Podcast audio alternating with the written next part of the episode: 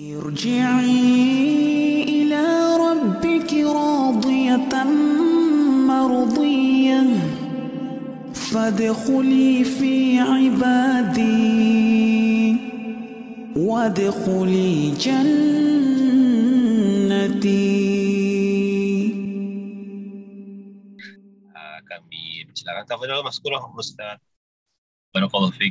السلام عليكم ورحمة الله وبركاته Innal hamdalillah nahmaduhu wa nasta'inuhu wa nastaghfiruh wa na'udzu billahi min shururi anfusina wa min sayyiati a'malina. May yahdihillahu fala mudilla lah wa may yudlil fala hadiyalah. Wa asyhadu an la ilaha illallah wahdahu la syarika lah wa asyhadu anna Allahumma salli wa sallim wa barik ala nabiyyina Muhammad wa ala alihi wa sahbihi wa man tabi'ahum bi isanin ila yaumiddin amma ba'du. Alhamdulillah. Ma'asyiral muslimin, ma'asyiral ikhwah wal akhwat fid din rahimakumullah. Para ikhwan dan akhwat jamaah kajian sahabat ilmu Darmais rahimakumullah.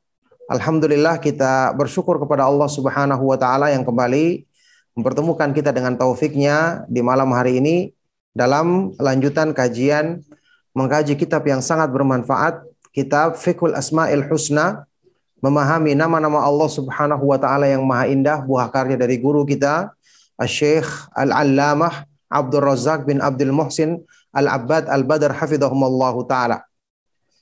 Alhamdulillah kita masih di pembahasan tentang nama-nama Allah Subhanahu wa taala yang maha indah. Saat ini kita masuki pembahasan nama Allah Subhanahu wa taala yang baru yaitu Al-Alim yang maha mengetahui, yang maha sempurna ilmu pengetahuannya. Barakallahu fikum, ikhwan dan akhwati fid din rahimakumullah. Nama Allah Subhanahu wa taala Al-Alim, maha mengetahui. Nanti juga kita akan bertemu dengan nama Allah Subhanahu wa taala yang lain yaitu Al-Khabir yang maha terperinci pengetahuannya. Kita akan bahas nanti bahwa nama-nama Allah Subhanahu wa taala ini termasuk Asmaul Husna yang sudah kita tahu maknanya balighatun fil husni ghayataha. Mencapai puncak dalam kemahaindahannya. Inilah nama yang pantas bagi Allah Subhanahu wa taala yang sesuai untuk menggambarkan kemahatinggian, kemahabesaran dan kemahasempurnaan ilmu pengetahuan Allah Subhanahu wa taala tentang semua yang berhubungan dengan segala sesuatu. Maksudnya, nama ini yang pantas untuk kita gunakan ketika ingin menyebut Allah atau menggambarkan tentang kesempurnaan dan kemahatinggian ilmu pengetahuan Allah Subhanahu wa taala. Jadi tidak perlu kita ganti dengan lafat-lafat yang lain yang belum tentu menunjukkan makna yang baik, makna yang sesuai bagi kebesaran dan keagungan Allah. Bisa jadi ini menunjukkan sikap kurang adab. Ya. Ingat ikhwan dan akhwat fiddin rahimakumullah. Para ulama menjelaskan ya bahwa di dalam memahami nama-nama dan sifat-sifat Allah kita harus hanya berhenti tauqifi berhenti sesuai dengan apa yang Allah beritakan. Tidak boleh kita melampauinya. Ya. Pembahasan tentang nama-nama Allah Subhanahu wa taala ini lebih sempit lebih terbatas. Kita tidak boleh melampaui dari apa yang Allah Subhanahu wa taala tetapkan bagi dirinya Kemudian berikutnya pembahasan tentang sifat. Sifat lebih luas dibandingkan nama. Karena setiap nama mesti mengandung sifat dan kebalikannya tidak mesti demikian. Sifat-sifat Allah Subhanahu wa taala bisa kita ambil dari perbuatan atau apa yang Allah sebutkan sebagai sifat tapi belum tentu bisa kita ambil dari situ nama. Ya, banyak contoh dan sudah pernah juga saya sebutkan ya, misalnya Allah Subhanahu wa taala memiliki sifat wa ghadiballahu alaihim. Allah murka kepada mereka. Tidak tapi tidak boleh kita namakan Allah misalnya dengan oh Allah itu berarti Maha Pemarah dengan nama seperti itu. Ya, Al-Ghadban misalnya tidak boleh. atau al-ghadzab, tidak boleh. Karena Allah tidak menetapkan bagi dirinya. Kalau sifat memang Allah Subhanahu wa taala memiliki sifat murka, tapi ini bagi siapa yang pantas untuk mendapatkannya. Berarti pembahasan tentang sifat-sifat Allah Subhanahu wa taala lebih luas dibandingkan pembahasan tentang nama. Kemudian ada bab al-ikhbar. Bab tentang memberitakan tentang Allah. Memberitakan tentang Allah. Ini lebih luas lagi. Tapi kita harus selalu ingat ya, keluasan dalam hal ini tidak boleh menjadikan kita hanya sekedar menggunakan pikiran kita atau pendapat kita atau apa yang kita anggap baik di dalam otak kita lantas kita sebutkan tentang Allah untuk memberitakan tentangnya. Ini tidak boleh kalau tidak ada dalilnya. Makanya di sini kita hanya tetapkan sesuai dengan apa yang ditetapkan oleh para ulama salaf. Para ulama salaf ketika mereka menetapkannya ya maka kita mengambil dari apa yang mereka tetapkan. Tidak boleh kita melampauinya ya. Maka oleh karena itu ketika disebutkan dalam pembahasan kita ini nama Allah Subhanahu wa taala Al-Alim, Maha mengetahui atau Al-Khabir, Maha terperinci pengetahuannya, maka cukup untuk mengungkapkan tentang kesempurnaan, kemahatinggian, ilmu dan pengetahuan Allah Subhanahu wa taala kita gunakan nama ini. Kan sebagian orang ada yang menyebutkan Allah itu maha jenius. ya. atau dengan bahasa-bahasa yang lain. Tidak perlu. Ah, misalnya ada yang mengatakan Allah maha cerdas, maha pintar, ya. Tidak perlu yang seperti ini. Cukup kita katakan Allah Subhanahu wa taala al-alim, maha mengetahui, maha sempurna ilmu pengetahuannya. Ini sudah cukup untuk mewakili semua yang kita inginkan tentang kesempurnaan dan kemahatinggian ilmu dan pengetahuan Allah Subhanahu wa taala. Jadi di sini kita setelah belajar kaidah-kaidah dalam memahami nama-nama dan sifat-sifat Allah Subhanahu wa taala hendaknya kita gunakan adab dalam menyebut tentang Allah Subhanahu wa taala, kita mengetahui yang paling sesuai dan paling tahu ketika mensifati dirinya yang sesuai dengan kebesaran dan keagungannya hanya Allah Subhanahu wa taala. Makanya Imam Ahmad bin Hanbal rahimahullah taala mengatakan la yusafullahu illa bima wasafa bihi nafsahu wa ma wasafahu bihi rasuluhu sallallahu alaihi wasallam la yutajawazul qur'anu wal hadis. Tidak boleh kita mensifati Allah kecuali sesuai dengan apa yang Allah sifatkan bagi dirinya dan apa yang disifatkan oleh Rasulnya Shallallahu Alaihi Wasallam. Tidak boleh kita melampaui atau melewati Al-Quran dan Al-Hadis. Baik. Kita lihat pembahasan yang disebutkan oleh Syekh Abdul Razak Hafizahullah Ta'ala. Dalam tulisan ini beliau berkata,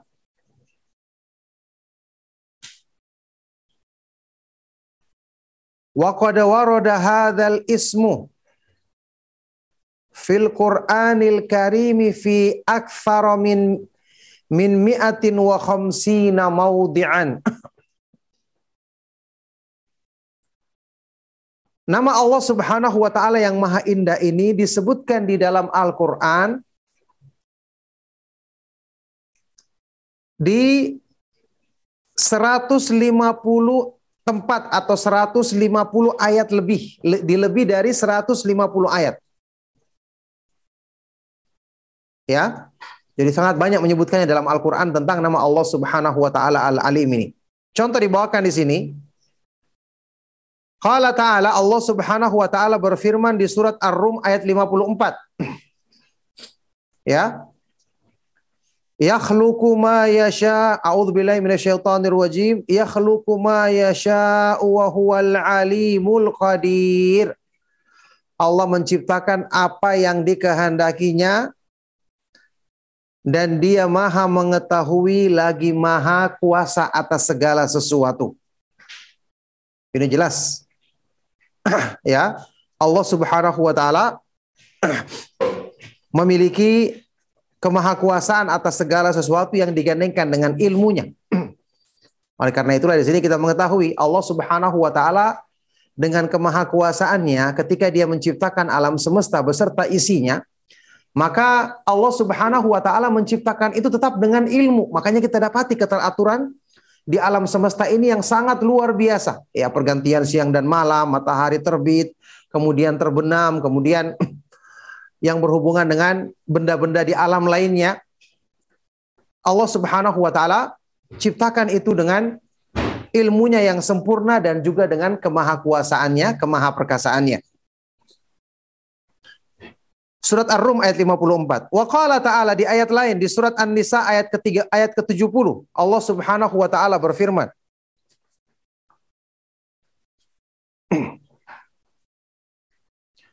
Wa kafa billahi alima dan cukuplah dengan Allah Subhanahu wa taala sebagai yang maha mengetahui. An-Nisa ayat ke-70. Wa ta'ala di ayat lain di surat Yasin ayat ke-38. Dzalika taqdirul azizil alim. Itulah pengaturan penetapan ketentuan dari Allah Subhanahu wa taala yang maha perkasa lagi maha mengetahui. Ini juga jelas menyebutkan tentang nama Allah Subhanahu wa taala Al-Alim ya dan di sini rata-rata disebutkan secara bergandengan dengan nama Allah yang lain yang jelas Al-Alim disebutkan di dalam banyak ayat Al-Qur'an. Wa qala ta'ala kemudian di surat Al-Baqarah ayat 181 Innallaha sami'un alim. Sesungguhnya Allah Subhanahu wa taala Maha mendengar lagi Maha melihat. Uh, maha, maha mendengar lagi Maha mengetahui. Nah. Baik, ikhwan dan akhwat fiddin rahimakumullah.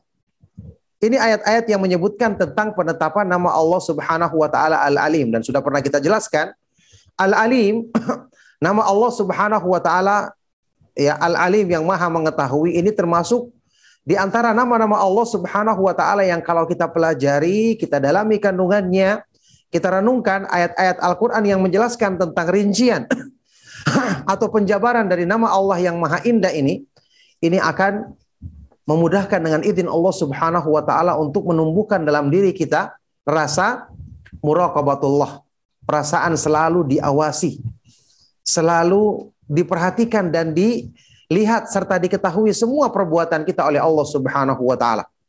Maka ini akan menjadikan kita selalu bertakwa kepada Allah di mana pun, dalam keadaan apa pun, baik kita sendirian maupun di hadapan orang lain. Kita akan selalu berusaha menjaga perbuatan kita meskipun kita di malam hari sendirian misalnya karena kita yakin Allah Subhanahu wa taala Maha mengetahui semua bahkan yang tersembunyi dengan yang tampak di hadapannya sama karena sempurnanya pengetahuan dan penglihatan Allah Subhanahu wa taala. Baik.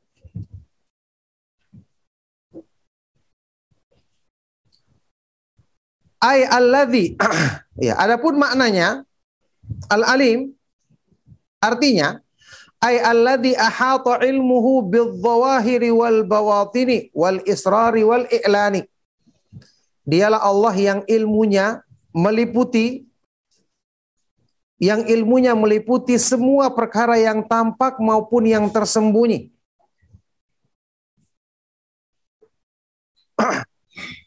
yang bersifat rahasia maupun terang-terangan.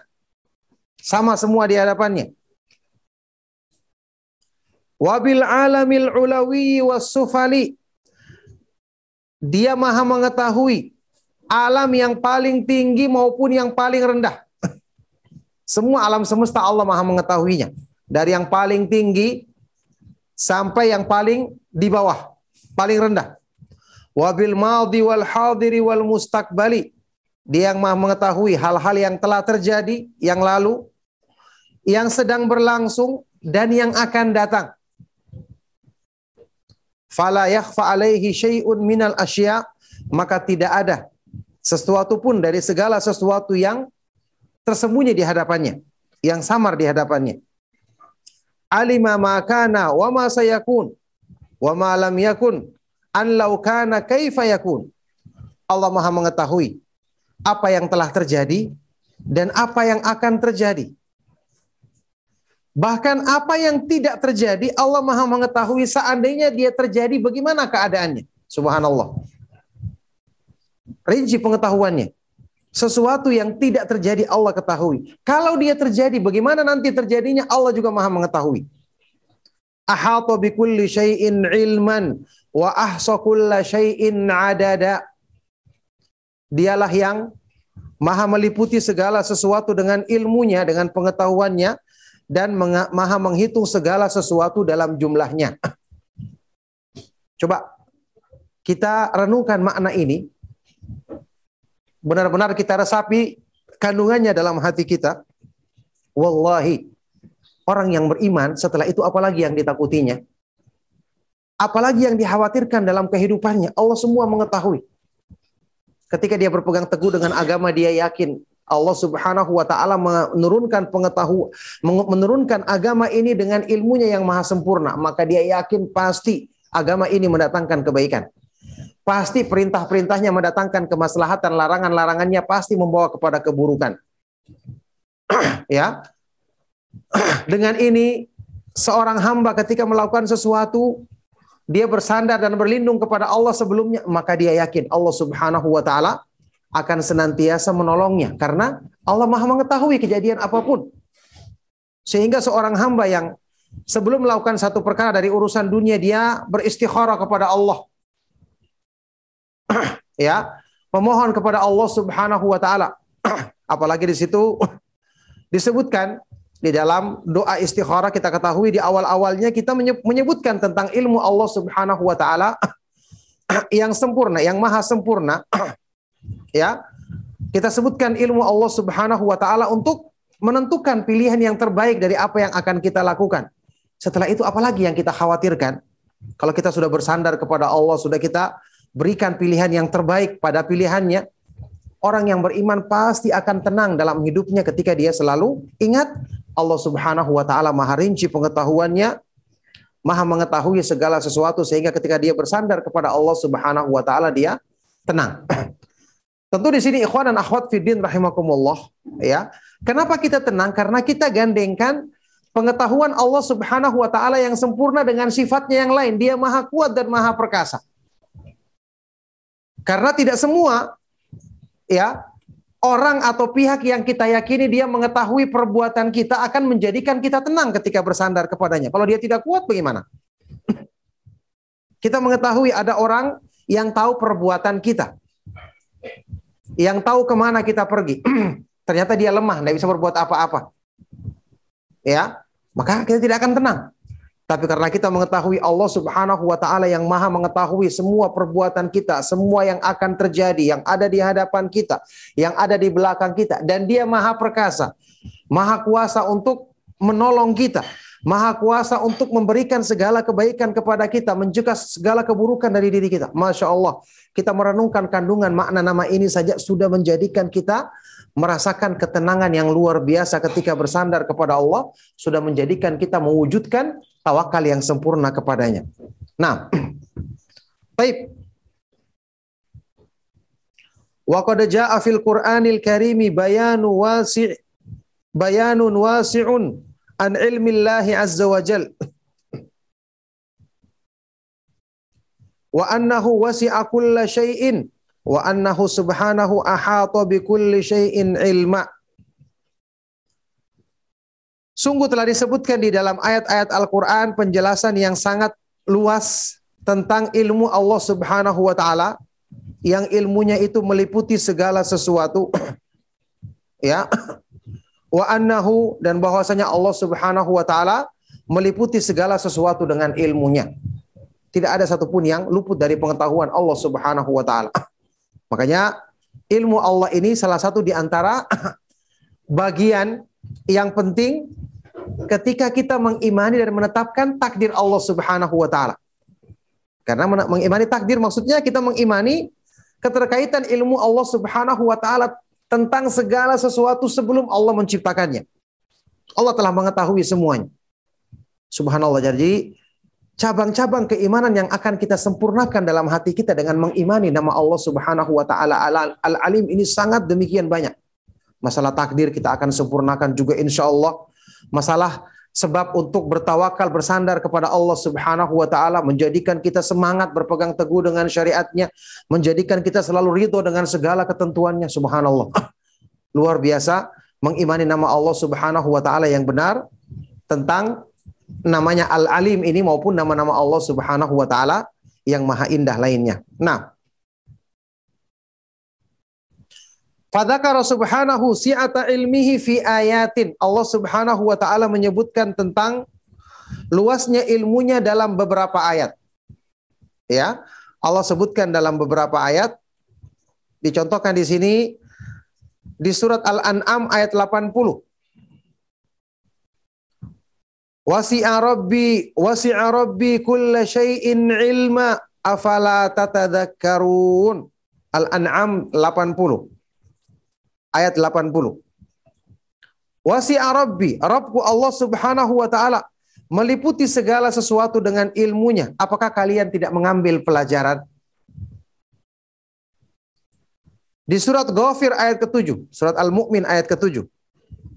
Rabbana wasi'ta kulla syai'ir rahmatan wa ilma. Wahai Rabb kami, sesungguhnya engkau telah meliputi segala sesuatu dengan rahmat dan ilmumu dan pengetahuanmu yang maha tinggi, yang maha sempurna. Tidak ada satupun yang luput dari pengetahuan Allah Subhanahu wa taala di dunia ini. Wa qala ta'ala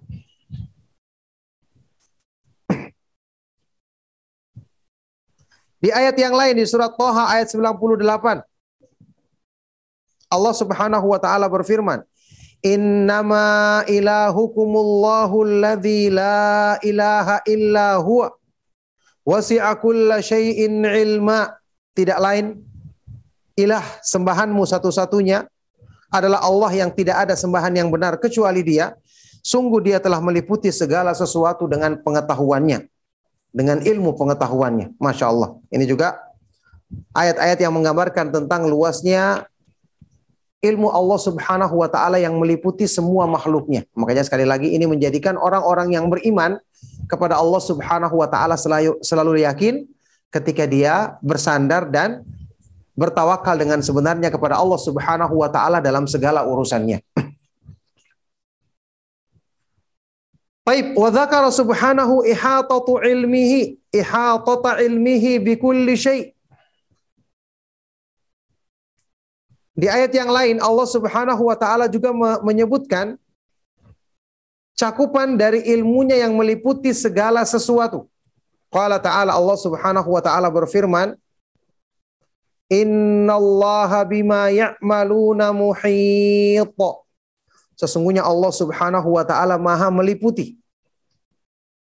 semua yang mereka lakukan. Ya, ini Allah Maha mengetahui dengan ilmunya yang luas tentang apa yang semua yang mereka perbuat. Ali Imran ayat 120. Kemudian di surat Hud ayat 92. Inna rabbi bima ta'maluna muhit. Sesungguhnya Rabbku Allah Subhanahu wa taala Maha meliputi segala sesuatu yang kalian kerjakan. Wa qala ta'ala di ayat yang lain di surat An-Nisa ayat 108 wa kana Allahu bima ya'maluna muhita dan bahwasanya Allah Subhanahu wa taala Maha Maha meliputi segala sesuatu yang mereka kerjakan. Berikutnya surat An-Nisa ayat 126. Wa ka wa kana Allahu bikulli syai'in muhita. Dan bahwasanya Allah Subhanahu wa taala meliputi segala sesuatu. Ini menunjukkan kepada kita tentang luasnya cakupan ilmu Allah Subhanahu wa taala yang sempurna, tidak ada satupun yang luput darinya dari pengetahuannya. Nah,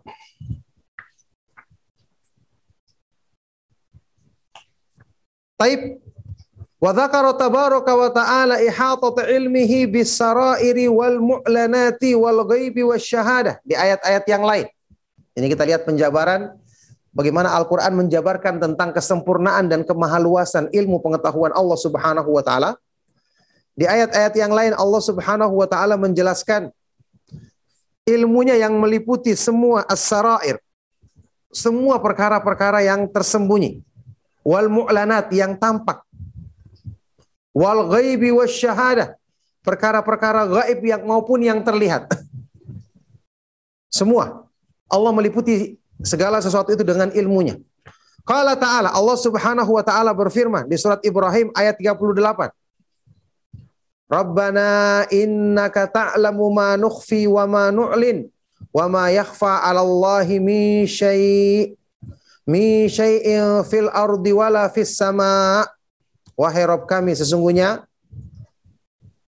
Engkau maha mengetahui apa yang kami sembunyikan maupun apa yang kami tampakkan. Dan tidak ada suatu pun yang tersembunyi di hadapan Allah Subhanahu wa taala, baik itu di langit maupun di bumi. Ini jelas sekali menyebutkan tentang kesempurnaan ilmu Allah Subhanahu wa taala yang meliputi segala sesuatu. Wa qala ta'ala di ayat yang lain surat Ghafir ayat 19. Ghafir ayat 19. Ya'lamu kha'inatal a'yuni wa ma tukhfis sudur. Allah Maha mengetahui pandangan mata yang berkhianat dan apa yang tersimpan di dalam hati-hati manusia, di dalam dada-dada manusia. Ya Allah Maha mengetahui. Oleh karena itu, tidak ada satupun yang luput pada hari kiamat nanti Allah Subhanahu wa taala perhitungkan segala sesuatunya. Wa qala ta'ala di ayat yang lain di surat Qaf ayat 16 Walaqad khalaqnal insana wa na'lamu ma tuwaswisu bihi nafsuhu. Wa nahnu aqrabu ilaihi min hablil warid. Sungguh telah kami ciptakan manusia. Dan kami maha mengetahui bisikan-bisikan yang dibisikkan di dalam jiwa mereka. Wa nahnu dan kami lebih dekat kepadanya dibandingkan urat lehernya. Ya. Ini menunjukkan kesempurnaan ilmu Allah Subhanahu wa taala. Kemudian di surat Al-Baqarah ayat 235. Ayat 235 Wa'lamu annallaha ya'lamu ma fi anfusikum fahdharuh Ketahuilah bahwasanya Allah Subhanahu wa taala Maha mengetahui apa yang terdapat di dalam jiwa-jiwamu, maka waspadalah, berhati-hatilah. Wa qala ta'ala di surat Al-Baqarah ayat 77. Awala ya'lamuna anna Allah ya'lamu ma yusirruna wa ma yu'linun. Apakah mereka tidak mengetahui bahwasanya Allah Subhanahu wa taala Maha mengetahui apa yang mereka sembunyikan maupun apa yang mereka tampakkan. Ini juga penjelasan tentang luasnya ilmu Allah Subhanahu wa taala yang meliputi segala sesuatu.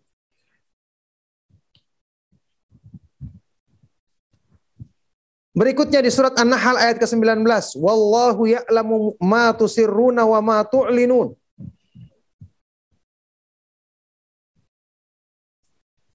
Allah Subhanahu wa taala Maha mengetahui apa yang kalian sembunyikan maupun apa yang kalian tampakkan.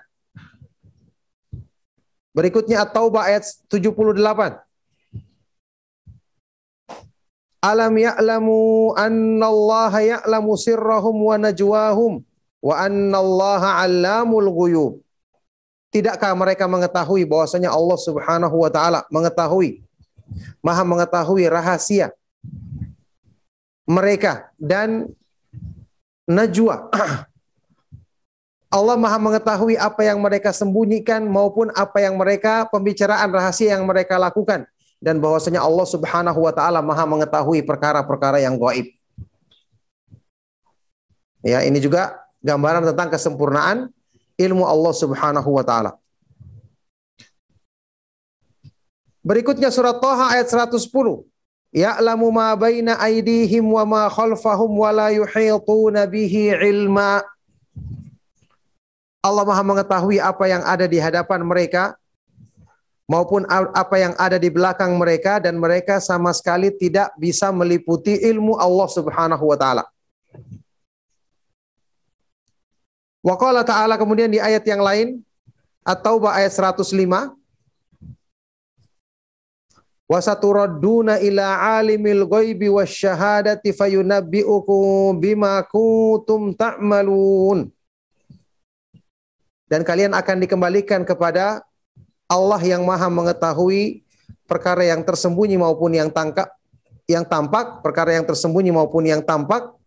Kemudian dia akan memberitakan kepadamu apa yang dia ketahui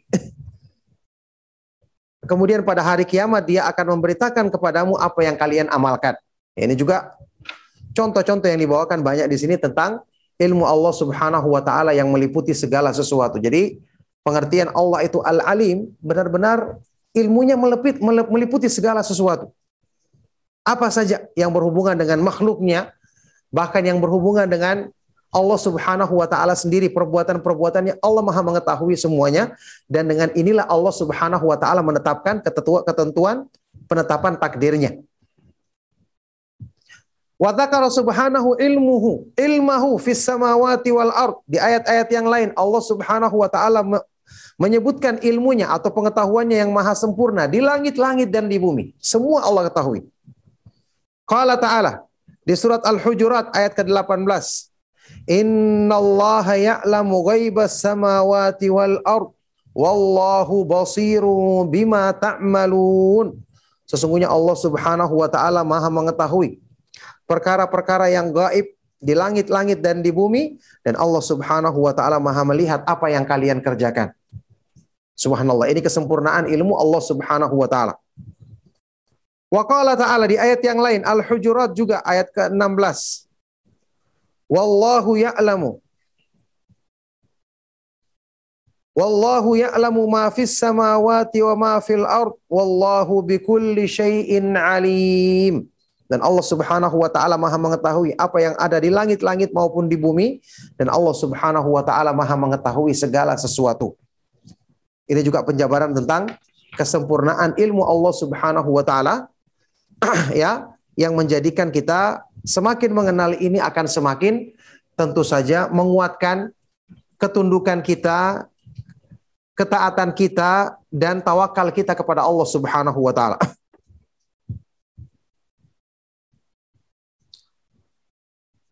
Baik. Wa dzakara subhanahu ikhtisasahu bimafatihil ghaibi la ya'lamuha illahu. Kemudian Allah Subhanahu wa taala juga menyebutkan tentang kunci-kunci perkara yang gaib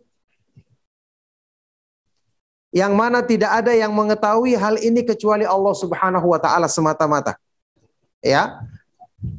Para nabi dan para rasul mengetahui perkara yang gaib itu dari wahyu yang Allah turunkan, bukan mereka ketahui dengan sendirinya.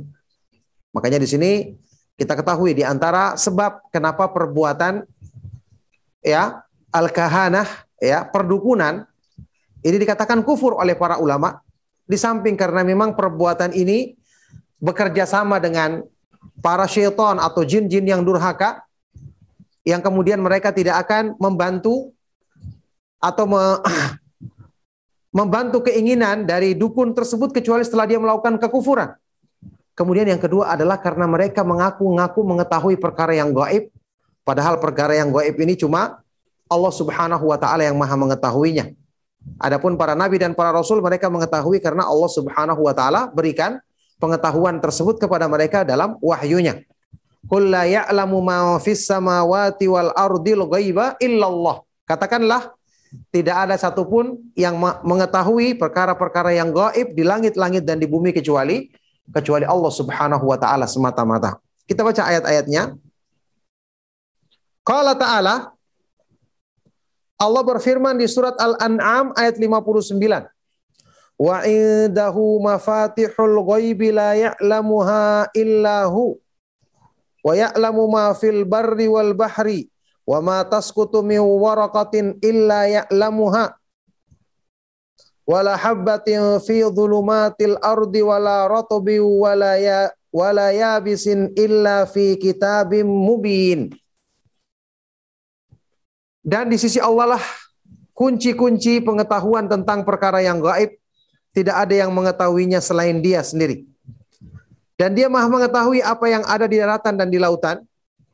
Dan tidak ada selembar daun pun selembar daun pun yang gugur kecuali Allah Maha mengetahuinya. Demikian pula tidaklah ada biji yang tumbuh dalam kegelapan bumi tidak yang basah maupun yang kering kecuali semua telah dituliskan dalam kitab kitab yang nyata yaitu Allahul Mahfud. Allah Subhanahu wa taala telah mengetahui dan menuliskan hal tersebut. Baik, berikutnya waqala ta'ala di ayat yang lain di surat Luqman ayat ke-40 34. Eh, yang tadi Al-An'am 59, sekarang surat Luqman 34. Innallaha indahu ilmu sa'ati wa yunazzilul ghaitha wa ya'lamu ma fil arham. Wa ma tadri nafsum madza taksibu ghada. Wa ma tadri nafsum bi ayyi ardin tamut. Innallaha alimun khabir. Sesungguhnya Allah Subhanahu wa taala hanya di sisinya lah ilmu tentang kapan terjadinya hari kiamat dan dialah yang menurunkan hujan dan maha mengetahui apa yang terdapat di dalam rahim. Di dalam rahim, ya janin yang ada di dalam rahim seorang perempuan. Dan tidak ada satu jiwa pun yang maha mengetahui apa yang dilakukannya besok. Dan tidak ada seorang pun, satu jiwa pun yang mengetahui dia akan mati di tempat mana. Sesungguhnya Allah Subhanahu wa taala Maha mengetahui lagi Maha sempur lagi Maha terperinci pengetahuannya. Surat Luqman ayat 34. Wa qala ta'ala di ayat yang lain surat Ar-Ra'du ayat ke-8 sampai 9. Allahu ya'lamu ma tahmilu kullu untha wa ma taghidul arham wa ma taghidul arham wa ma tazdad wa kulla syai'in 'indahu bimiqdar alimul ghaibi wasyahadatil kabirul muta'al Allah Subhanahu wa taala dialah yang Maha mengetahui ya, keadaan hamil seorang perempuan. Allah Maha mengetahui juga bagaimana pertumbuhan yang bertambah atau berkurang di dalam rahim perempuan itu. Dan segala sesuatu di sisi Allah Subhanahu wa taala ada kadar ketentuannya. Allah Maha mengetahui perkara yang gaib maupun yang tampak, Maha besar lagi Maha tinggi. Masya Allah ini ya ayat-ayat Al-Quran yang menggambarkan penjabaran dari ilmu Allah Subhanahu wa Ta'ala yang maha sempurna, meliputi segala sesuatu, sampai pun dalam hal yang paling kecil yang terjadi di langit-langit dan di bumi. Makanya ini jelas sekali memberikan faedah menumbuhkan keimanan, menjadikan kita takut kepada Allah Subhanahu wa taala, menjadikan kita selalu tenang ketika bersandar kepadanya. Walil imani bihadzal ismil azimi atharun mubarakatun 'alal abdi bal huwa akbaru zajirin wa a'dhamu wa'idh. Dan mengimani nama Allah Subhanahu wa taala yang maha agung ini memiliki athar, dampak-dampak positif dampak-dampak keberkahan bagi hidup seorang hamba. Bahkan inilah sebesar-besar zajir, sebesar-besar yang selalu mengingatkan, menegur seorang hamba, dan sebaik-baik yang selalu memberikan nasihat, memberikan peringatan bagi seorang hamba. Oleh karena itu, jamaah sekalian rahimakumullah, ikhwan dan akhwat, fiddin, peserta kajian ilmu, kajian sahabat ilmu Darmais rahimakumullah ya. Ini menunjukkan kepada kita bahwa setelah kita mengenal, mengetahui kandungan makna nama Allah Subhanahu wa taala ini, kita ketahui penjabarannya, tinggal kita praktekkan.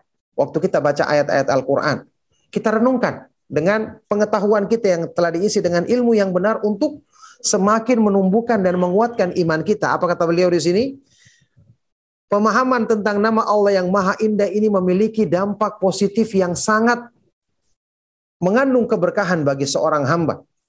Ya, cukup dia sebagai sebaik-baik pemberi nasihat dan sebesar-besar yang memberi, yang memberikan teguran, memberikan peringatan bagi seorang hamba dalam dalam menjalankan kehidupannya. Oleh karena itu, ini termasuk di antara nama Allah Subhanahu wa taala yang pantas untuk selalu kita ulang, kita kaji kembali, kita renungkan agar hati kita benar-benar dipengetahui dengan dipenuhi dengan pengetahuan pengetahuan yang indah ini tentang nama Allah Subhanahu wa taala yang yang maha indah dan maha tinggi. Baik barakallahu fikum. Ma'asyiral ikhwah wal akhwat fid din rahimakumullah, jamaah kajian sahabat ilmu Darmais. Insya Allah untuk materi yang Anda bawakan di kesempatan malam hari ini cukup ya mudah-mudahan bisa memberikan pengetahuan ya tentang makna nama Allah Subhanahu wa taala Al-Alim serta dengan ini kita mengetahui penjabarannya, rinciannya untuk bisa kita segera praktekkan dalam renungan-renungan kita apalagi waktu kita membaca ayat-ayat Al-Qur'an dengan merenungkan kandungan isinya. Semoga apa yang kita bahas dan kita kaji bermanfaat dan menjadi sebab untuk kebaikan dunia dan akhirat kita. Sebelum saya akhiri, saya persilakan kalau ada pertanyaan yang antum sampaikan. Barakallahu fikum. Sallallahu wasallam wa barak ala nabiyina Muhammad wa ala alihi wa sahbihi ajma'in. Walhamdulillahi rabbil alamin. Alhamdulillahirabbil alamin. Barakallahu fikum Ustaz atas uh, penyampaian materi yang sangat uh, lengkap dan bagi Bapak Ibu jamaah sahabat ilmu Darmais rahimahullah yang baru bergabung Barusan kita simak bersama satu kajian rutin setiap Selasa malam bersama sahabat Lunar Mais yang malam hari ini uh, mengetengahkan uh, nama Allah Al-Alim yang maha mengetahui, yang maha sempurna pengetahuannya. Uh, dan uh, saat ini kita sudah memasuki ke sesi tanya jawab dan kami persilahkan Bapak Ibu sekalian untuk menuliskan pertanyaan di kolom chat atau juga raise hand untuk uh, bertanya secara langsung. Untuk kesempatan pertama, um, sudah jemaah kita yang sudah raise hand, silakan kami persilakan uh, Ibu kita Ferawati, mohon di unmute, silakan. Assalamualaikum Ustadz. Waalaikumsalam warahmatullahi wabarakatuh. Jazakallah khairan Ustadz atas kesempatannya. Semoga Allah selalu merimpahkan keberkahan kepada Ustadz Uh, Ustadz, kebetulan sekali ya Ustadz dengan materi kita dengan uh, yaitu ya nama Allah yang uh, Al-Alim yaitu Maha mengetahui. Ustadz, um, Ana uh, mempunyai apa? Takutnya mempunyai salah pemahaman gitu Ustadz. Rencana Ana, Ana kan mau safar Ustadz, mau mudik, eh mau ke pulang kampung, mau menemui orang tua. Kebetulan anak Ana di pondok mimpi tiga kali Ustadz uh, mimpinya itu anak tuh bersedih dan mimpi berpisah gitu Ustadz. Uh, mimpinya itu yaitu Selasa, Rabu, sama malam Jumat Ustadz. Pas yang terakhirnya anak Ananda anak di pondok sedih, nangis karena mimpi berpisah itu. Tapi anak kadang sebagai orang awam biar enggak ini Ustadz, maksudnya pemahamannya enggak dikait-kaitin misalnya ada feeling apa, perasaan apa, biar agar terhindar dari pemahaman yang tidak uh, apa salah atau menjurus ke syirik atau meng mengira-ngira gimana menurut Ustadz? Jazakallahu khairan Ustadz atas kesempatannya. Ya, Barakallahu fiqh, pertanyaan yang sangat baik sekali dari ibu yang bertanya. Semoga Allah Subhanahu wa taala senantiasa melimpahkan kebaikan kepada beliau, kepada keluarga dan kepada kita semua. ya, mimpi ini adalah salah satu yang perkara yang dialami oleh manusia, ya ada yang baik, ada yang buruk, ada yang juga mungkin cuma merupakan apa yang dikatakan bunga tidur, ya. Bukanlah sesuatu yang bisa mencegah kita untuk melakukan sesuatu atau eh, menjadikan kita melakukan sesuatu. Ya ini mimpi, kata sebagian ulama, ya surul mukmin wala yagurru. Mimpi itu bisa tasurul mukmin wala tagurru. Menjadikan orang gembira tapi tidak memperdaya dia. kita ketahui ya, mimpi bukanlah se sebagai sesuatu jaminan akan pastinya apa yang di, yang terjadi dalam mimpi tersebut. Kayak tadi anaknya bermimpi tiga hari berturut-turut, ibunya akan berpisah dengannya. Kalau yang saya nggak salah dengar tadi begitu. Ini bukan merupakan jaminan. Perkara yang gaib tidak ada yang mengetahui kecuali Allah Subhanahu wa taala. Sekarang ya, kita nasihati anak tersebut supaya berlindung kepada Allah dari segala keburukan. Kemudian dilihat sebab sampai ibu akan melakukan perjalanan tersebut. Apakah sebabnya baik atau tidak? Kalau misalnya dia ingin mengunjungi orang tuanya atau keluarganya yang ada di kampung, maka ini masya Allah juga jelas termasuk silaturahim, menyambung hubungan dengan kerabat atau orang yang punya hubungan rahim dengan kita. Ini disyariatkan dalam Islam dan besar keutamaannya kita tahu. ya, apalagi kalau itu berhubungan dengan bakti kepada orang tua misalnya, tentu lebih tinggi lagi kedudukannya. Maka kalau ini sebabnya, maka tidak perlu kita khawatirkan. kalaupun kita sampai mendapatkan misalnya ya kematian dalam perjalanan kita, maka ini perjalanan yang baik. Berarti kita sedang dalam melaksanakan ibadah termasuk ciri-ciri orang yang mati di atas kebaikan. Insya Allah seperti ini. Ala hal kita katakan yang namanya berpisah itu akan terjadi kapan saja. Kalau tidak sekarang maka nanti. Ya, nanti akan terjadinya. Yang kita pikirkan di sini selama yang kita lakukan itu adalah kebaikan maka tidak perlu kita khawatirkan. Beda kalau orang yang melakukan perjalanan untuk sesuatu yang buruk, apalagi ada pelanggaran dalam perjalanan tersebut, misalnya perjalanan yang tidak sesuai dengan syariat, tidak ada mahram dan seterusnya bagi perempuan, maka jelas ini jangan kita lakukan.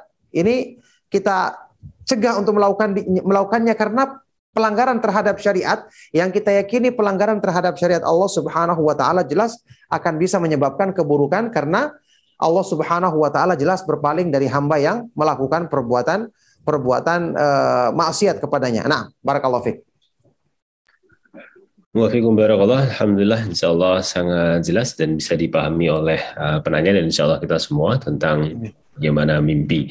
Dan uh, masih kesempatan kami berikan kepada salah satu jamaah kita yang sudah resen kepada uh, ibu atau saudari Mulziah. Kami persilahkan, silahkan di unmute. Assalamualaikum Ustadz. Waalaikumsalam warahmatullahi wabarakatuh. Silakan Ibu. Ya, semoga Allah menjaga Ustadz dalam uh, berdakwah. Ustadz mau nanya uh, terkait dengan sifat Allah tadi, uh, bolehkah kita berdoa di dalam sujud kita dengan menggunakan nama sifat-sifat Allah tadi Ustadz? Terima kasih Ustadz. Jazakallah khairan Ustadz. Assalamualaikum warahmatullahi wabarakatuh. Ya, barakallah fiqh. Pertanyaan sangat baik sekali dari beliau ibu yang bertanya, semoga Allah Subhanahu wa taala senantiasa melimpahkan kebaikan, memudahkan keberkahan di dalam hidup beliau ya untuk keluarga dan juga untuk kita semua. Baik, uh, nama dan sifat Allah Subhanahu wa taala ini Al-Alim atau sifat yang Maha mengetahui jelas bisa kita gunakan di dalam doa-doa kita dan ini termasuk kita berdoa dengan menyebut nama Allah Subhanahu wa taala atau sifat-sifatnya termasuk tawasul yang diperintahkan, disyariatkan di dalam Islam, memudahkan untuk pengabulan doa kita. Apalagi yang berhubungan dengan apa yang saya contohkan tadi misalnya dalam doa istikharah. Kita kan menyebutkan tentang kita minta pilihan Allah Subhanahu wa taala yang terbaik dari apa yang kita lakukan. Kalau seandainya baik, mendekatkan kita untuk semakin menguatkan iman, menyelamatkan dunia akhirat, Allah mudahkan. Kalau tidak baik maka Allah palingkan kita darinya. Ini kan dengan ilmu Allah Subhanahu wa taala yang maha mengetahui. Kenapa kita minta pilihan Allah? Karena kita tidak mengetahui kesudahan dari segala sesuatu, tidak mengetahui hal-hal yang terjadi yang akan datang. Adapun Allah Subhanahu wa taala Maha mengetahuinya, makanya dengan kita bersandar kepada Allah dengan menyebut ilmu Allah Subhanahu wa taala terhadap perkara-perkara yang nampak maupun yang tersembunyi ini termasuk hal yang disyariatkan sewaktu kita menginginkan pilihan yang terbaik dari Allah Subhanahu wa taala tentang apa yang akan kita kita lakukan dalam urusan dunia kita. Nah, barakallahu fikum. Barakallah. Alhamdulillah. Uh, insya Allah juga sangat jelas dan bisa dipahami oleh uh, kita bersama. Selanjutnya izin saya bacakan beberapa pertanyaan yang sudah masuk ke kolom chat Ustaz. Bismillahirrahmanirrahim. Assalamualaikum warahmatullahi wabarakatuh.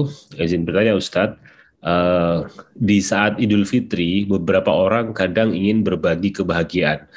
Ustadz, apa hukumnya dalam Islam untuk berbagi kebahagiaan dengan menyebar uang sehingga orang-orang menganggap dia dermawan yang pada akhirnya membuat orang berkerumun bahkan rusuh dibandingkan dengan membagikan uang kepada orang per orang yang dimasukkan dalam amplop dan mendatangi satu persatu uh, berdasarkan data orang miskin dari ketua RT misalnya. Toh dengan amplop yang uh, tertutup Allah Maha mengetahui isi amplop tersebut. Barakallahu. Nah, barakallahu fiik. Pertanyaan sangat baik sekali dari beliau yang bertanya semoga Allah Subhanahu wa taala senantiasa memudahkan kebaikan bagi beliau, memudahkan penjagaan bagi beliau dan juga bagi keluarganya serta untuk kita semua. Ya. E, pertanyaan tadi tentang orang yang ingin membagi kebahagiaan, yakni mendermakan hartanya dengan cara dibagi-bagi ya sehingga orang-orang berkerumun, orang-orang yang butuh maupun tidak butuh, yang miskin maupun tidak miskin kemudian berkumpul dibagi-bagi uang sehingga menimbulkan ya kegaduhan begitu dibandingkan dengan orang yang ya mengetahui data-data orang miskin kemudian dia bagi-bagi lewat dengan amplop ya diisi uang kemudian dibagi-bagi kepada orang-orang tersebut. Ya jelas kalau dari segi amal-amal kebaikan kita menganjurkan orang itu selalu bersedekah apalagi kepada orang-orang yang membutuhkan, orang-orang selalu mendermakan hartanya. Cuma dari segi kaidah dalam syariat Islam kita ketahui ya, kalau perkara-perkara yang sifatnya anjuran itu lebih bagus disembunyikan. Apalagi kalau tadi sampai dengan cara membagi-bagi seperti ini kan semua orang datang, ada yang miskin, ada yang tidak miskin. Ya, bahkan mungkin yang miskin karena dia terlambat atau mungkin lemah, terdesak, akhirnya dia tidak dapat bagiannya. Maka dalam kondisi seperti ini jelas yang kedua lebih baik. Ya, yang kedua lebih baik karena apa? Yang kedua dia cukup mendata orang-orang miskin sehingga dia mendatangi rumah-rumah mereka atau mungkin mengirim uang ke mereka. Maka ini lebih baik karena sampai kepada yang berhak untuk menerimanya dan juga lebih menjaga keikhlasan dirinya karena tidak perlu ditampakkan sampai disebut-sebut dermawan atau sampai orang-orang selalu kerumun ke rumahnya dan seterusnya ya cukup dengan dia memberikan bantuan atau infak atau sedekah kepada orang-orang yang berhak menerimanya ya dengan dia tersembunyi maka itu lebih baik dan tentu lebih memudahkan dia untuk lebih ikhlas dalam mengamalkan amalan tersebut. Nah, barakallahu fiik. Waalaikumsalam barakallah. Alhamdulillah insyaallah uh, memberikan gambaran pada kita lebih jelas tentang bagaimana memberikan uh, berbagi kepada uh, jamaah sekalian juga secara sembunyi-sembunyi. Masih Ustaz izin menyampaikan ya, pertanyaan di kolom chat. Bismillahirrahmanirrahim Ustaz, uh, izin bertanya dari salah satu ikhwan kita. Assalamualaikum Ustaz, Assalamualaikum. Waalaikumsalam. Mohon izin bertanya, apakah bisikan hati kita juga akan dihisap Ustaz? Apakah bisikan hati dapat mendatangkan pahala dan dosa? Jazakallahu khairan Ustaz. Iya, barakallahu fikum. Pertanyaan sangat baik sekali dari beliau yang bertanya tentang masalah bisikan hati. ya. Apakah akan dihisap? Apakah juga akan mendatangkan pahala atau tidak? ya, kita ketahui ya, barakallahu fikum ini pertanyaan yang sangat baik sekali. Semoga Allah Subhanahu wa taala senantiasa memberikan ganjaran kebaikan bagi antum yang bertanya dan juga untuk kita semua. Uh, sehubungan dengan masalah ini kan di akhir-akhir surat Al-Baqarah Allah Subhanahu wa taala menurunkan di dalam firman-Nya wa in tubdu ma fi anfusikum aw tukhfuhu yuhasibukum bihillah fayaghfiru liman yasha wa yu'adzibu man yasha wallahu ala kulli syai'in qadir. Dan jika kalian menampakkan apa yang ada di dalam jiwamu atau kalian sembunyikan Allah akan perhitungkan, Allah akan hisap. Allah mengampuni siapa yang dikehendakinya dan siapa yang tidak dikehendakinya. Ringkasnya, kemudian ayat-ayat berikutnya ternyata memberikan keringanan. Bisikan jiwa tidak diperhitungkan lagi oleh Allah Subhanahu wa taala. ya. Ayat-ayat ini ternyata disebutkan penghapusan hukumannya di ayat-ayat berikutnya. Bisikan jiwa yang diperhitungkan ini hanya berlaku bagi umat-umat yang lalu. Makanya Rasulullah SAW menegaskan di dalam hadis yang sahih yang diriwayatkan oleh Imam Muslim, ya Allah, uh, Rasulullah Shallallahu Alaihi Wasallam bersabda, Inna Allah tajawaza li ummati amma haddasat bihi anfusuha malam tatakallam bihi au ta'mal bihi au ta'mal bihi. Sesungguhnya Allah Subhanahu wa taala mengampuni bagi umatku semua yang dibisikkan di dalam jiwa mereka sebelum mereka selama mereka tidak mengatakan atau melakukan dalam bentuk perbuatan. Jadi dari dari hadis ini, hadis sahih ini riwayat Imam Muslim ini seperti Imam Syaukani rahimahullah taala bahkan menulis sebuah risalah ya buku yang tipis tentang hal ini. Hukumnya hadithun nafs, bisikan jiwa. Beliau berdalil dengan hadis ini bahwa semua yang namanya bisikan jiwa ya tidak akan dihisap, akan diampuni oleh Allah Subhanahu wa taala sampai pada apa yang disebutkan di hadis di hadis ini selama dia belum mengucapkannya tidak sampai terucap dalam lisannya atau dalam bentuk perbuatan anggota badannya. ya. Jadi selama belum sampai diucapkan atau dilakukan dengan anggota badan maka dia masih bisikan jiwa yang diampuni. Ada kadang-kadang orang salah paham. Misalnya dalam memahami sebuah hadis. Idzal taqal muslimani bisayfaihima fal qatilu wal maqtulu finnar. Jika dua orang muslim bertemu dengan pedang mereka, berkelahi dengan pedang mereka, maka yang membunuh maupun terbunuh di dalam neraka. Ya. Maka sebagian dari para sahabat bertanya, "Ya Rasulullah, hada al-qatil. Fama balul maktul?" Wahai Rasulullah, kalau pembunuhnya masuk neraka wajar. Ini yang terbunuh kenapa masuk neraka juga? Apakah uh, dia berhak masuk neraka? Maka Rasulullah SAW menjawab, li'annahu harisun ala qatli sahibihi. Karena dia juga semangat ingin membunuh saudaranya. Kalau bukan kedahuluan, dia akan membunuh. Ada yang mengatakan lah, ini kenapa niatnya dia dihukumi masuk neraka? Jawabannya dalam keadaan dalam apa yang disebutkan di hadis ini bukan cuma niat, dia sudah berbuat. Karena dia bertemu dengan pedangnya, berarti dia mengayunkan pedangnya juga, berkelahi juga. Kebetulan dia ke kedahuluan terbunuh. Jadi, kalau masih bisikan jiwa, menurut Imam Syaukani rahimahullah taala, selama itu masih bisikan jiwa, maka berdasarkan hadis ini dimaafkan oleh Allah Subhanahu wa taala sebelum ter, terucapkan oleh lisan dan dilakukan dilakukan dengan amal perbuatan. Ya, meskipun sebagian ulama seperti Imam Ibnu Qayyim rahimahullah taala ada beliau membedakan antara sekedar bisikan saja ya dibedakan antara beliau hanya sekedar bisikan atau sesuatu yang sudah menjadi azam, tekad yang kuat ingin dilakukan. beliau bedakan di sini. Kalau sekedar bisikan saja ini yang dimaafkan, kalau sudah sampai tekad yang kuat itu akan ada perhitungannya tersendiri. Nah, ini ada ada penjelasan yang agak berbeda dari beliau Ibnu, uh, Imam Ibnu Qayyim rahimahullah taala, tapi kalau menurut Imam Syaukani berdasarkan hadis ini semua yang namanya bisikan jiwa sebelum diucapkan atau dilakukan dengan perbuatan maka dimaafkan berdasarkan hadis yang sahih tadi. Nah, barakallahu fikum. Masya Allah, fikum barakallah. Alhamdulillah, insya Allah eh, sangat jelas Ustaz. Izin kembali saya lanjutkan, masih ada beberapa pertanyaan Ustaz di kolom chat. Silakan, silakan. Dari salah satu akhwat kita, Bismillahirrahmanirrahim. Ustaz, izin bertanya, bagaimana menghilangkan rasa cemas yang berlebihan dan fobia terhadap sesuatu, uh, sementara sudah bertawakal namun masih susah untuk menghilangkannya Ustaz? Barakallahu fikum. Tapi barakallahu fikum pertanyaan sangat baik dari akhwat yang bertanya. Uh, dengan pertanyaan yang yang baik sekali, semoga Allah Subhanahu wa taala senantiasa memudahkan beliau dalam kebaikan, melindungi dari segala keburukan juga untuk kita semua. Bagaimana cara menghilangkan kecemasan dan fobia terhadap sesuatu padahal sudah berusaha untuk bertawakal dan seterusnya. Iya, ini juga kalaupun dia bertawakal jelas tawakalnya kurang. Karena kalau dia tawakalnya benar, pasti kalau tawakalnya kepada Allah benar, pasti menjadikan dia tidak cemas dengan apa pun karena segala sesuatu Allah yang ciptakan. Allah Maha mengetahui dan Allah Maha kuasa untuk menyelamatkan kita dari keburukannya dan menjaga kita dalam kebaikannya. Kalau tawakalnya benar, tidak akan mungkin dia akan masih ada rasa cemas. Sekarang ketika dia cemas dengan sesuatu, kita bertanya, apa yang dia cemaskan?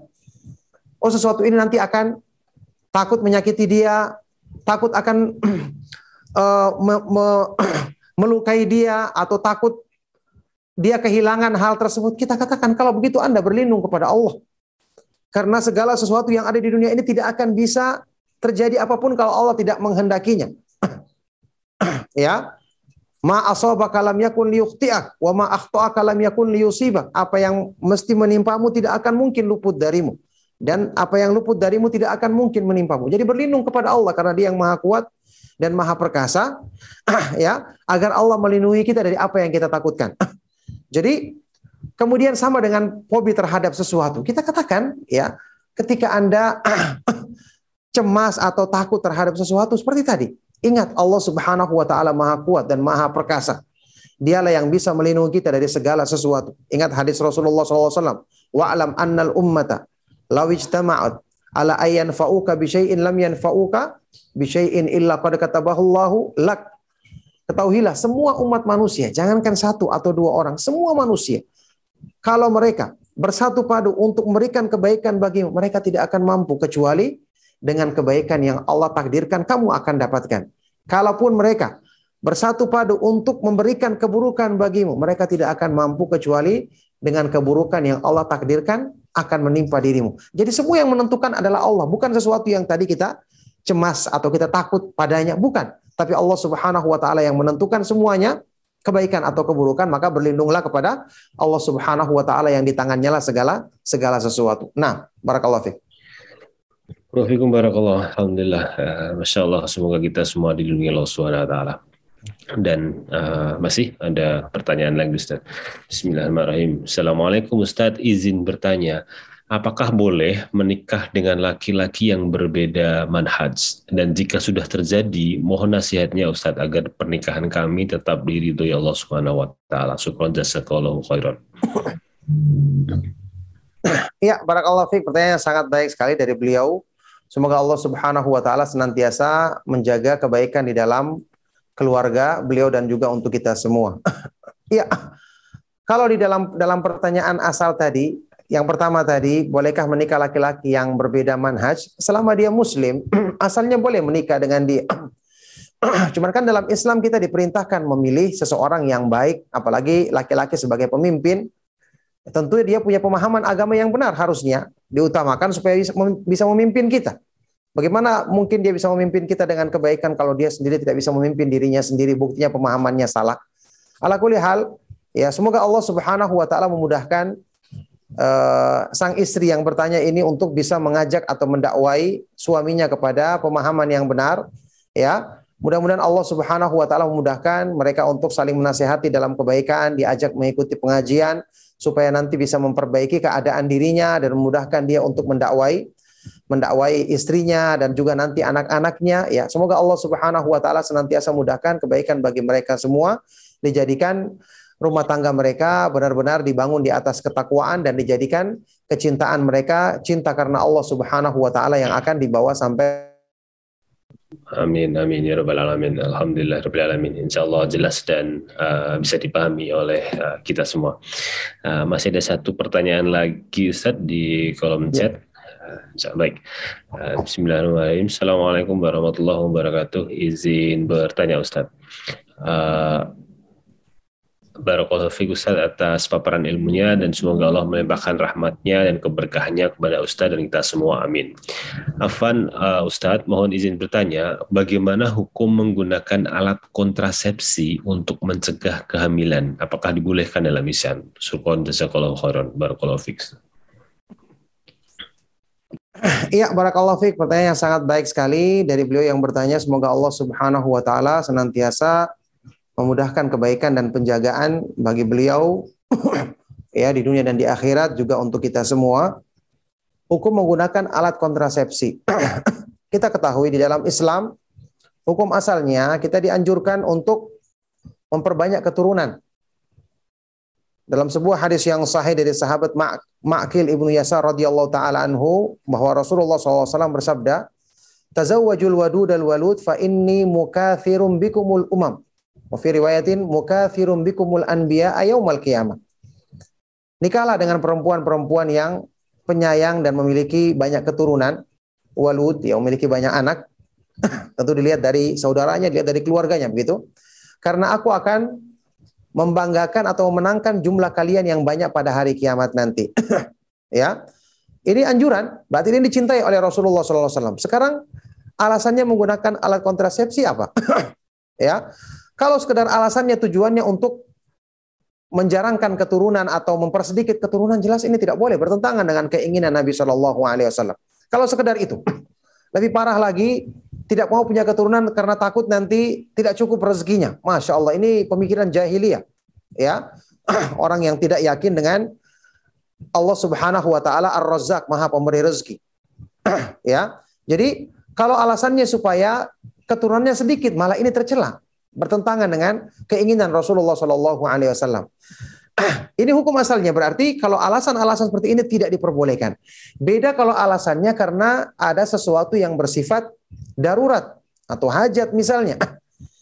ya, seseorang yang mungkin uh, kandungannya lemah atau menurut keterangan seorang dokter muslim yang bisa dipercaya bahwasanya seorang ibu kalau dia hamil lagi nanti akan berbahaya bagi kesehatannya atau bahkan bisa mengancam jiwanya. Nah, ini berbeda keadaannya. ya. Dalam kondisi seperti ini bahkan kalau memang sampai betul-betul seperti itu keadaannya bahkan dia kalaupun hamil dia bisa menggugurkan kandungannya ya dan diusahakan sebelum mencapai usia empat bulan sebelum ditiupkan roh padanya begitu. Ala hal ya ini diperbolehkan kalau kondisinya memang darurat seperti ini ya Atau kondisi kondisi-kondisi yang berhubungan dengan masalah-masalah tadi, kalau misalnya dia ah, diketahui menurut keterangan dokter ya kandungannya lemah akan bisa membahayakan bagi dirinya ketika uh, melahirkan dan seterusnya, ya maka ini kondisi-kondisi yang tentu saja ah, dikecualikan dalam hal ini ya itu pembagian hukumnya di dalam masalah ini tentang penggunaan alat kontrasepsi. Nah, barakallahu fikum. Wafikum barakallah Ustaz. Alhamdulillah uh, jawabannya sangat jelas sekali dan uh, pertanyaan di kolom chat Alhamdulillah juga sudah habis. Jadi uh, mungkin sebagai penutup mohon nasihatnya untuk kita semua Ustaz. Barakallah fikum. Ya, barakallah fikum. Pembahasan yang tadi kita bahas tentang nama Allah Subhanahu wa taala Al-Alim dengan makna dan penjabaran yang demikian luas Wallahi ini pembahasan yang benar-benar menjadikan orang yang beriman semakin kuat keyakinannya. Semakin mantap dalam bersandar kepada Allah Subhanahu wa taala dan cukup ketika dia mengetahui dan mengenal ilmu Allah Subhanahu wa taala yang maha sempurna akan menjadikan dia semangat untuk melaksanakan agamanya, berpegang teguh dengan syariatnya karena Allah Subhanahu wa taala menurunkan Al-Qur'an, menurunkan agamanya dengan ilmunya yang berarti dia memilih inilah yang terbaik bagi manusia sehingga menjadikan seorang hamba selalu semangat dalam mempelajari kemudian mengamalkan agama Allah Subhanahu wa taala. Semoga Allah Subhanahu wa taala senantiasa memudahkan kita selalu mendapatkan taufiknya untuk semangat mempelajari agamanya, memahami dan mengamalkannya apalagi yang berhubungan dengan perkara yang paling penting dalam urusan agama kita mengenal kemahaindahan nama-nama Allah dan kemahatinggian sifat-sifatnya yang kita sedang pelajari ini. Semoga Allah Subhanahu wa taala mudahkan segala kebaikan untuk kita semua. Demikianlah, mohon maaf atas segala yang salah dan kurang. Saya cukupkan sallallahu wasallam mubarak ala nabiyina Muhammad wa ala alihi wa sahbihi wa man tabi'ahum bi isanin ila yaumiddin walhamdulillahi rabbil alamin. سبحانك اللهم وبحمدك أشهد أن لا إله إلا أنت أستغفرك وأتوب إليك والسلام عليكم ورحمة الله وبركاته